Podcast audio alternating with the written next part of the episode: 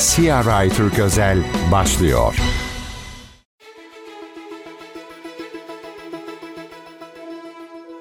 Değerli CGTN Türk takipçileri, CGTN Türk özel programına hoş geldiniz. Çin'in reform ve dışa açılma politikasının 45. yılındayız. Bu öyle bir politika ki Çin'i dünyanın çöperlerinden ekonomide merkezine doğru yakınlaştırdı ve dünyanın en büyük ikinci ekonomisi haline getirdi. Birçok parametrede Amerika Birleşik Devletleri'ni şimdiden geride bırakan bir ülkenin ekonomi politikasından bahsediyoruz. Reform ve dışa açılma kilit bir noktaydı Çin ekonomisi için. 45 ee, yıllık bilançoyu e, Doktor Volkan Özdemir'le birlikte ele alacağız. Sayın Özdemir hoş geldiniz. Merhabalar, iyi yayınlar diyorum. Çok teşekkür ederiz. Sayın Özdemir, şimdi Çin'den bahsederken artık akla gelen ilk e, cümle Çin'in ekonomik başarısı oluyor. Kimileri buna mucize diyor, kimileri ise bu bir mucize değil, sebepleri vardı diye açıklıyor. Şunu şöyle başlamak istiyorum. Çin nasıl başardı ve uluslararası e, konjonktürün çehresini nasıl değiştirdi? Ee, Çin'in başarısının e, arkasında birincisi o dönemin, o koşulların uluslararası şartlarını tabii gözetmek. İkincisi belirli bir plan dahilinde e, kendi milli vizyonunu da geliştirerek bu ikisini harmanlamak bence yatıyor. Şimdi 1970'lerin sonu itibariyle Xiaoping reformlarıyla Çin dünyaya açılmaya başladı. O dönemin şartlarına baktığımızda o dönemde e, dünyanın aslında küreselleşmeye doğru gitmeye başladığı, neoliberal düzenin aslında uluslararası ekonomi politik sistemde hakim olmaya başladığı yıllardır 70'lerin sonu. Tam bu sırada o dönemin koşullarını, dünya kapitalist sisteminin gelişimini, e, dünyadaki batı önderliğini, üretim ve teknoloji altyapısında nasıl mesafe kat ettiklerini iyi gözeten, iyi inceleyen bir Çin ve buna adapte olmalıyız ama bir şartla kendi kalkınma vizyonumuzla, kendi milli politikalarımızla bunu yapmalıyız, bu süreci yönetmeliyiz denilen bir anlayışla bu başladı. E, her yeni reformda, her yeni yaklaşımda olduğu gibi elbette büyük eleştiriler de vardır bunun arkasında. Fakat görülüyor ki 40-45 yıllık bir süre zarfında e, Çin başardı. Çünkü dediğim gibi planlamayı ve siyasi kontrolü piyasalar üzerinde terk etmedi. O planlamada Sayın, Sayın Özdemir burası burası çok önemli. Ee, Birçok kişi aslında reform ve dışa açılma denilince ekonominin tam liberalleşmesi içinde olarak algılıyor ama e, diğer taraftan da bu aslında politikanın çerçevesinin devlet tarafından çizildiğini anlıyoruz. Doğru mudur sizce? Devlet tarafından çizilmesi artı olarak şimdi devlet aygıtı e, ne kadar milli davranabiliyor, ne kadar kendi ülkesinin önceliklerine göre yapılanıyor. Bence bu tartışma da önemli. Çin'in başarısında şu var. Siyasal sistemde kontrol ve iç dinamik üretebilme var o planlamanın arkasında. Ne bu nasıl bir e, mekanizmayı beraberinde getirdi? Ben ilk önce e, düşük gelirli bir ülke olarak ne yapmalıyım? E, yüksek teknoloji ürünlerini değil, düşük katma değerli teknoloji ürünlerini ucuz iş gücünü uluslararası kartellere sunarak ilk önce bunu öğrenmeliyim, bunu üretmeliyim. Daha sonraki seviyede orta seviyeli ürünler, en son aşamada yüksek teknoloji ürünleri. Bakın bunlar planlamayla mümkün olacak. Şimdi elimde hangi malzeme var, koşul var? İlk önce ben know-how'a sahip miyim? Hayır değilim. Dünyaya sunabileceğim ne var? İş gücü. Doğrudan yatırımı alırım üretim için. Fakat işte planlama, iç dinamik, irade burada ortaya çıkıyor. O yatırımı çektikten sonra ben acaba bunu kendi imkanlarımla nasıl üretebilirim? Know-how'ı nasıl, teknolojiyi nasıl transfer edebilirim? Ben burada çok ciddi bir planlama yaptıklarını düşünüyorum Çinlilerin ve nitekim 80'ler, 90'lar baktığımızda ilerlediğimiz süreçte başarılı. Şimdi aynı dönemde Türkiye'yi de kıyaslayabiliriz. 80'li yıllarda Değerli Türkiye hocam, ekonomisi bence... de dünyayla ben de, ben de onu söyleyeceğim. Yani birçok ülke var. E, onların da nüfusları var. Vietnam'ın da e, var. Hindistan'ın da var. E, Türkiye'nin de görece e, var. Ama biz neden o know-how'u sizin deyiminizle bulamadık da Çin bulabildi? Şimdi mesela 80'li yıllar Türkiye ekonomisini de kıyasladığımızda 24 Ocak kararları, 12 Eylül darbesi, ondan sonra Özal yönetimi darbeden sonra ciddi bir dışa açılma var. Fakat geldiğimiz noktada başarı var mı? Bence yok. Neden şimdi? Bu ikisini kıyasladığımızda çok güzel bir soru sordunuz. E, iki ülke de dünyaya açılıyor, başkaları evet. da dünyaya açılıyor. Fakat dünyaya açılmakla evini dışarıya açmakla senin açılman farklı şeyler. Şimdi hmm. o yüzden ben planlama ve iç dinamik e, ulusal iradenin önemini vurguladım. Şimdi Özal döneminde de Türkiye açıldı fakat bir baktığınız zaman Türkiye'nin öncelikleri için mi bu yapıldı? Yani gerçekten Türkiye'nin üretim potansiyelinin arttırılması için mi bu yapıldı? Hayır, bakıyorsunuz tüketim toplumu ve dışarıdaki uluslararası ekonomik düzene bu şekilde eklemlenme var. Yani kendi iradenizle değil, başkalarının iradesiyle açılmakla Çin'in örneğinde olduğu gibi e, kendi ulusal önceliklerinizle planlamayla açılmak arasında ciddi fark var. İşte birinde teknoloji transfer edebiliyorsunuz, zamanla üretimi yerlileştiriyorsunuz. Onun sonraki aşamasında daha sofistike ürünleri ortaya çıkarabiliyorsunuz. Ve en son aşamasında kendi markalarınızı, şimdi Çin konusunda dördüncü aşamaya geldik. Yani Çin'in bu 2025 vizyonunda Çin artık e, dünyada toplam argenin %20'den fazlasını yapan ihracatında yüksek teknoloji ürünlerinin katma değer payı %20'den fazla olan bir ülke değil sadece. Çin artık bugün son aşamada kendi markalarını da ortaya çıkartabildi. Uluslararası rekabet düzeninde. Çünkü o tartışma da vardı bundan 10 yıl önce. E tamam Çin dünyanın atölyesi oldu. Her türlü yüksek teknoloji ürünü orada üretilebiliyor. Bu kapasiteye sahipler ama kendi markaları yok. Bakalım yok. çıkacak mı? İşte son aşamada kendi markalarını da çıkartabildi. Özünde toparlayacak olursak dünya koşullarını, dış koşulları iyi değerlendirmek, piyasa koşullarını ve buna uygun olarak e, kendi milli politikanızı, planlamanızı kendi iradenizle geliştirebilmektir Çin'in başarısı. Ve bugün gelinen noktada başarı kanıtlanmıştır. Dünya kapitalist sistemi çift merkezidir. Biri Anglo-Saksonların daha çok öncülük ettiği daha liberal piyasalar, bir de Çin'in öncülük ettiği devlet kapitalizmidir bence. Yani buna sosyalist piyasa ekonomisi diyenler de var, evet. kavramlar kullananlar da var. Fakat Çin bu başarısını kanıtlamış ve bugün e, ABD merkezli kapitalizmin küresel ölçekteki yegane reka, e, rakibi konumunda e, her türlü teknolojik ürünü uluslararası piyasalarda rekabet edebilecek, 3 trilyon doların üzerinde ihracat yapabilecek bir kapasiteye ulaşmıştır. Hocam rakip dediniz o halde oradan devam edelim. Şimdi anlattığınız e, çerçeve içerisinde e, normları göz önünde bulunduracak olursak tamam Çin başarılı oldu. Ama Amerika Birleşik Devletleri buna serbest piyasa koşulları içerisinde ya da e, rekabetin eski koşulları içerisinde artık yanıt vermiyor. Diyor ki ben sana çip ihracatını yasaklıyorum. Biraz ileri gittin sen bu teknoloji konusunda. E, ticaret demiyor da bunu güvenlik nedeniyle e, kısıtlıyorum diyor. Diğer taraftan Avrupa Birliği'ne bakıyoruz. Avrupa Birliği diyor ki e, senin elektrikli araçların çok rekabetçi ben bir inceleme başlatıyorum diyor. E, şimdi hal böyle olunca aslında Amerika Birleşik Devletleri Batı kendi koyduğu normları, kuralları e, Çin'i kuşatmak, çevrelemek adına ihlal etmiş olmuyor mu? E, tabii ki şimdi kurallar, normlar aslında e, onu koyan ne diyelim sınıfsal e, çıkar odaklarının, farklı grupların veya devletlerin menfaatlerinden bağımsız olmuyor. Ona göre esniyor, ona göre değişiyor. Zeitgeist'e bakmak lazım, zamanın ruhuna Ruh. bakmak lazım. Şimdi zaman zamanın ruhu şöyle özetleyelim. 40 yıl önce küreselleşmeyi başlatanlar bugün küreselleşmenin bitmesi için uğraşıyorlar. Neden? Çünkü 40 e, yıl önce e, daha Anglo-Saksonlar için e, uluslararası sermayenin dolaşımı yoluyla daha büyük bir kar alanı vardı. Bu devletler kendi kültürlerinden empoze ettiler. O anlamda çok ciddi anlamda bir süreçten geçtik bütün dünya olarak. Ama bir noktadan sonra şimdi üretim gücünü kaybetmişsiniz.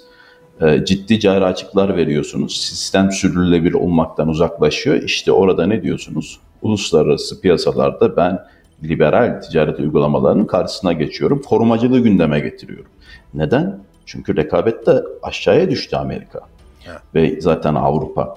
E, Çin'e kaptırdı işin üretim kısmını. Dünya ekonomisini ve siyasetini incelerken ben her zaman finans kapital ve sanayi kapital, sanayi sermayesi ayrımı yapıyorum.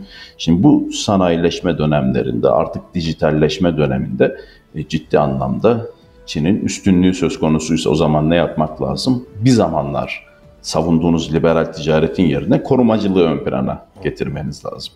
E Çin için de bu geçerli. Çin de şu anda uluslararası liberal ticareti savunuyor değil mi? O evet. da kendi menfaatine evet. göre 40 Kesinlikle. gün önceden daha farklı olarak. Kesinlikle. Dolayısıyla bu yani bu olaya Çin, Amerika diye bakmamak lazım. Devletler, sınıfsal çıkarlar, o grup çıkarları, o kararları kendi menfaatleri doğrultusunda alıp uygulayıp zamana göre de güncelliyorlar. Bugün evet uluslararası düzeyde serbest ticaretin şampiyonluğunu Çin yapıyor. E, korumacılığı da Amerika. Trump başlattı. Bakın en son Biden Devam artık et. elektrikli araçlara da getiriyor, devam ettiriyor. Dediğiniz gibi güvenlik diyor, rekabet diyor, Avrupa Birliği rekabet soruşturması açıyor. Neden elektrikli araçlar? Çünkü son birkaç yılda gündem bu. E, elektrikli araç devriminde de Çin artık geleneksel Japonya, Almanya gibi üreticileri de geçmiş durumda. Orada da tehdit oluşturunca. Hakeza yeşil enerji de öyle. ilave gümrük, evet ilave gümrük vergisi koyacağım diyor o zaman Çin mallarına. E, Dolayısıyla bu bir rekabet hiç bitmeyecek bir rekabet. Hocam bir de o zaman şöyle bakalım. Şimdi e, Avrupa Birliği'nin pozisyonu bu. Washington'ın pozisyonu korumacılıktan yana. Ama Çin'de de bir taraftan üretim kapasitesi fazlası var. Yani 4 tane 5 tane fabrika var. Tamam içeriye 2 tane si, e, ihtiyaçları karşılıyor ama diğer taraftan da bu üretim fazlasını değerlendirmesi lazım. Şimdi Çin için yeni pazar bulmak mümkün mü, kolay mı? Niye, hangi adımları atacaktır sizce Çin bu e, atmosfer karşısında, tablo karşısında? Ee, ben e, şöyle düşünüyorum açıkçası e, çok da böyle kesin konuşmadan mütevazi bir tahmin yapayım. Hı hı. 2008'den sonra e, dünya ekonomisindeki kriz dalgaları ciddi belirleyici oldu. 2020 Covid bahanesiyle, Covid sayesinde nasıl adlandırıyorsanız başka bir dönemece girdik.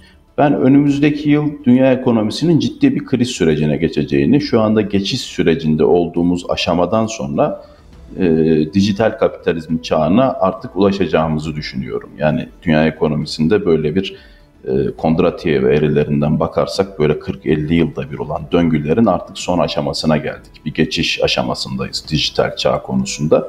Şimdi Çin'in de 2025 vizyonu, Amerika Birleşik Devletleri'nin önümüzdeki yıl seçimler ve 2025'te daha farklı bir anlayışa girmesi, hakeza Avrupa Birliği'nin, bakın Ukrayna-Rusya savaşında bu resmi oturtabiliriz. Şimdi bütün bunları göz önünde bulundurduğumuzda haliyle 2025'e hazırlanan ve sonrasına daha doğrusu hazırlanan ülkeler arasında tabii ki Çin de bulunuyor. E Çin ne yapacak? Şimdi zaten değişim görülüyor. ABD ve Çin arasındaki ekonomik bütünleşme, decoupling, ayrışmaya doğru gidiyor artık ABD Çin'in üçüncü en büyük ticaret partneri. Yani eskiden birinciydi ihracatında vesaire. Şimdi ne oldu? ASEAN ülkeleri, Asya ülkeleri. Bölgeselleşme olgusuna doğru gidiyoruz dünya ekonomisinde çünkü küreselleşmeden çok. Ee, ASEAN ülkeleri, orada işte çok konuşulan Asya Pasifik bölgesindeki serbest ticaret anlaşmaları. ASEAN ülkeleri Çin'in birinci ticaret partneri oldu. Avrupa Birliği 2, ABD 3'e düştü.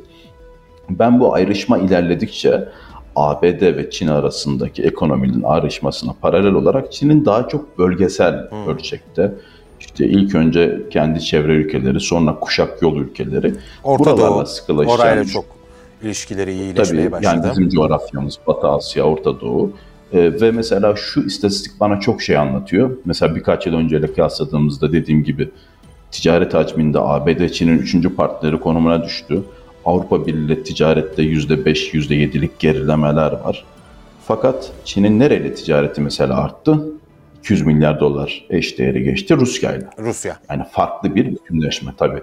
Şimdi burada Avrasya coğrafyasında daha ticari anlamda farklı bir bütünleşme. Yani Çin bir yandan belki daha fazla ihracat yapamayacak, ihracat miktarı biraz azalacak ama ihracat pazarlarını da ona göre kendi çevresi çevre ülkeleriyle birlikte entegre edecek. Bu da zaten sadece Çin için değil, bütün ekonomiler için aşağı yukarı geçerli.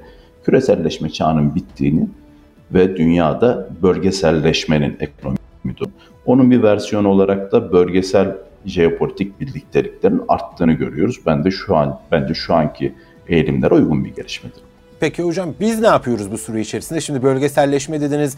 Ankara'nın attığı birkaç adım vardı. Bağdat'la birlikte işte e, Ankara-Bağdat hattında bir kimi bölgesel e, ticaret rotaları oluşturmaya çalışıyor. Aynı zamanda kuşak ve e, yolun içinde ama e, çok fazla da aslında buralarda atılan imzalar e, göremiyoruz biz. Örneğin e, Çin'de 3. Kuşak ve Yol Forumu vardı. Bütün devlet liderleri oraya gitti. E, Putin'den tutun da Latin Amerika liderlerine kadar. Yani Türkiye yoktu e, ne yapıyoruz, ne yapsak daha iyi olur diye son sorumu sormuş olayım. Ya son sorun zor oldu şimdi. Gökhan nasıl açıklayalım bunu ya bu kadar kısa süre? Şöyle bölgeselleşmeye yani galiba evet. Yani Türkiye maalesef e, ne diyelim Asya çağının dinamiklerini yeterince hiç değil. Evet bazı çabalar var, çalışmalar bazı çabalar ben de görüyorum. Hı hı. E, yeterince kavrayamıyor. Bir kere e, Türkiye'de kendi coğrafyası itibariyle ilk önce çevre ülkeleriyle tabii ki ticaretini, bütünleşmesini arttırmak durumunda. E, kuşak yola daha aktif bir şekilde katılabilir. Ben ileride zaten bu Kızıldeniz'de yaşadığımız sürecin hmm. Doğu Akdeniz'de Çin için Atina'nın Pire Limanı'nda da çok ciddi sorun olacağını düşünüyorum. Türkiye ona yönelik Çin'den yeni işbirliklerini geliştirebilir. E, Türkiye orta koridor projesini geliştirdi. Bunu kuşak yolla uyumlaştırmaya çalışıyor ama bir yandan baktığımızda e, Hazar üzerinden yaşanan yeni lojistik yoğunlaşmanın, trafiğin e, güzel. Fakat Bakü-Kars demiryoluyla Türkiye üzerinden mi bu Avrupa pazarlarına gidiyor? Hayır. Ne oluyor? Biz bypass ediliyoruz Karadeniz'de, evet, Gürcistan, evet. Romanya arasında. Yani Türkiye e, çok önemli kendi ulusal menfaat alanlarına e, biraz seyirci kalıyor, müdahale etmesi gerekir. E, Kuzey-Güney uluslararası taşımacılık koridoru Rusya, İran, Hindistan bunun Hazar üzerinden yine geliştiriliyor. Türkiye bir şekilde oraya bakmak durumunda. Zengezur koridorunun açılması ve bunun e, diğer ticari partnerlerle İran, Rusya birlikte ele alınması, e, Azerbaycan tabii ki kardeş ülkemiz, ondan ticaretin arttırılması ve hem Doğu Batı hem Kuzey Güney'de bunlara aktarılması ve en son senin söylemiş olduğun Bağdat üzerinden Irak'la bu işbirliklerinin geliştirilmesi gerekiyor ama Türkiye'de maalesef e, Asya çağının dinamiklerini yakalamak şu demek. Birinci öncelik, diğerlerini ihmal etmeden ama öncelik Asya ülkeleri, Asya pazarları olması demek. Biz de... Türkiye'de halen da e, vurgu, öncelik e, maalesef buralar değil. Avrupa Birliği. Yani evet düşen, görüyoruz Avrupa. hangi bak bakanların ziyaret hangi başkentlere gittiğini ekonomiyle ilgili bakarsak zaten öncelikleri de ortaya çıkmış oluyor. Sadece ekonomi değil, e, hariciye de öyle. Sadece bakanlar değil, yapılanmalar öyle. Yani Türkiye şeyi Asya çağının dinamiklerine göre bir yeniden yapılanma e, yapamadığı gibi. Yani böyle bir fikirsel güçlü tartışma bile olmadı. Evet. Dolayısıyla Türkiye bu yani mesela çok bahsettiğimiz kardeş ülkelerimiz Orta Asya coğrafyasını da yeterince tanımıyoruz. Oraya yüklenmiyoruz. Ben en son bizim Atasam'da bu Hazar'ın nasıl lojistik merkez üzerine olduğu bir çalışma yayınladım ayrıntılı. Yani Hazar ülkeleri Türkiye'nin çok dikkatli e, bakması gereken yeni bir döneme girmiş, yeni bir lojistik merkezi olma statüsüyle sadece enerji değil taşımacılıkta farklı birikimleri ve refah arttırımını içeren ülkeler biz odağımızı oraya bile çeviremiyoruz maalesef yani kendi kardeş coğrafyamıza bile.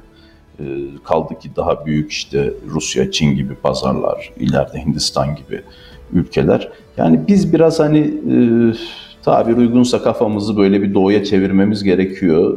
Dünya çünkü çevirmiş bütün, durumda. Bütün herkes bunu söylüyor evet. Bütün herkes çeviriyor. Bütün herkes Asya Pasifik'te ama biz maalesef biraz Mersin'e tersine gibiyiz. Bu değişmiyor. Çok ciddi bir sorun bence. Sayın Özdemir çok teşekkür ediyoruz. Değerli görüşleriniz ben için. Ben teşekkür ederim. İyi çalışmalar, iyi yayınlar diyorum. Değerli CGTN Türk takipçileri, CGTN Türk özel yayınının sonuna geldik. Ezberleri bozmak lazım hem ticarette hem siyasette hem uluslararası ilişkilerde. Ee, biraz da doğuya bak politikası bütün dünyada olduğu gibi Türkiye için de tartışmaya değer diye düşünüyorum. Bir başka CGTN Türk özel programında görüşmek ümidiyle. Hoşçakalın. CRI Türk Özel sona erdi.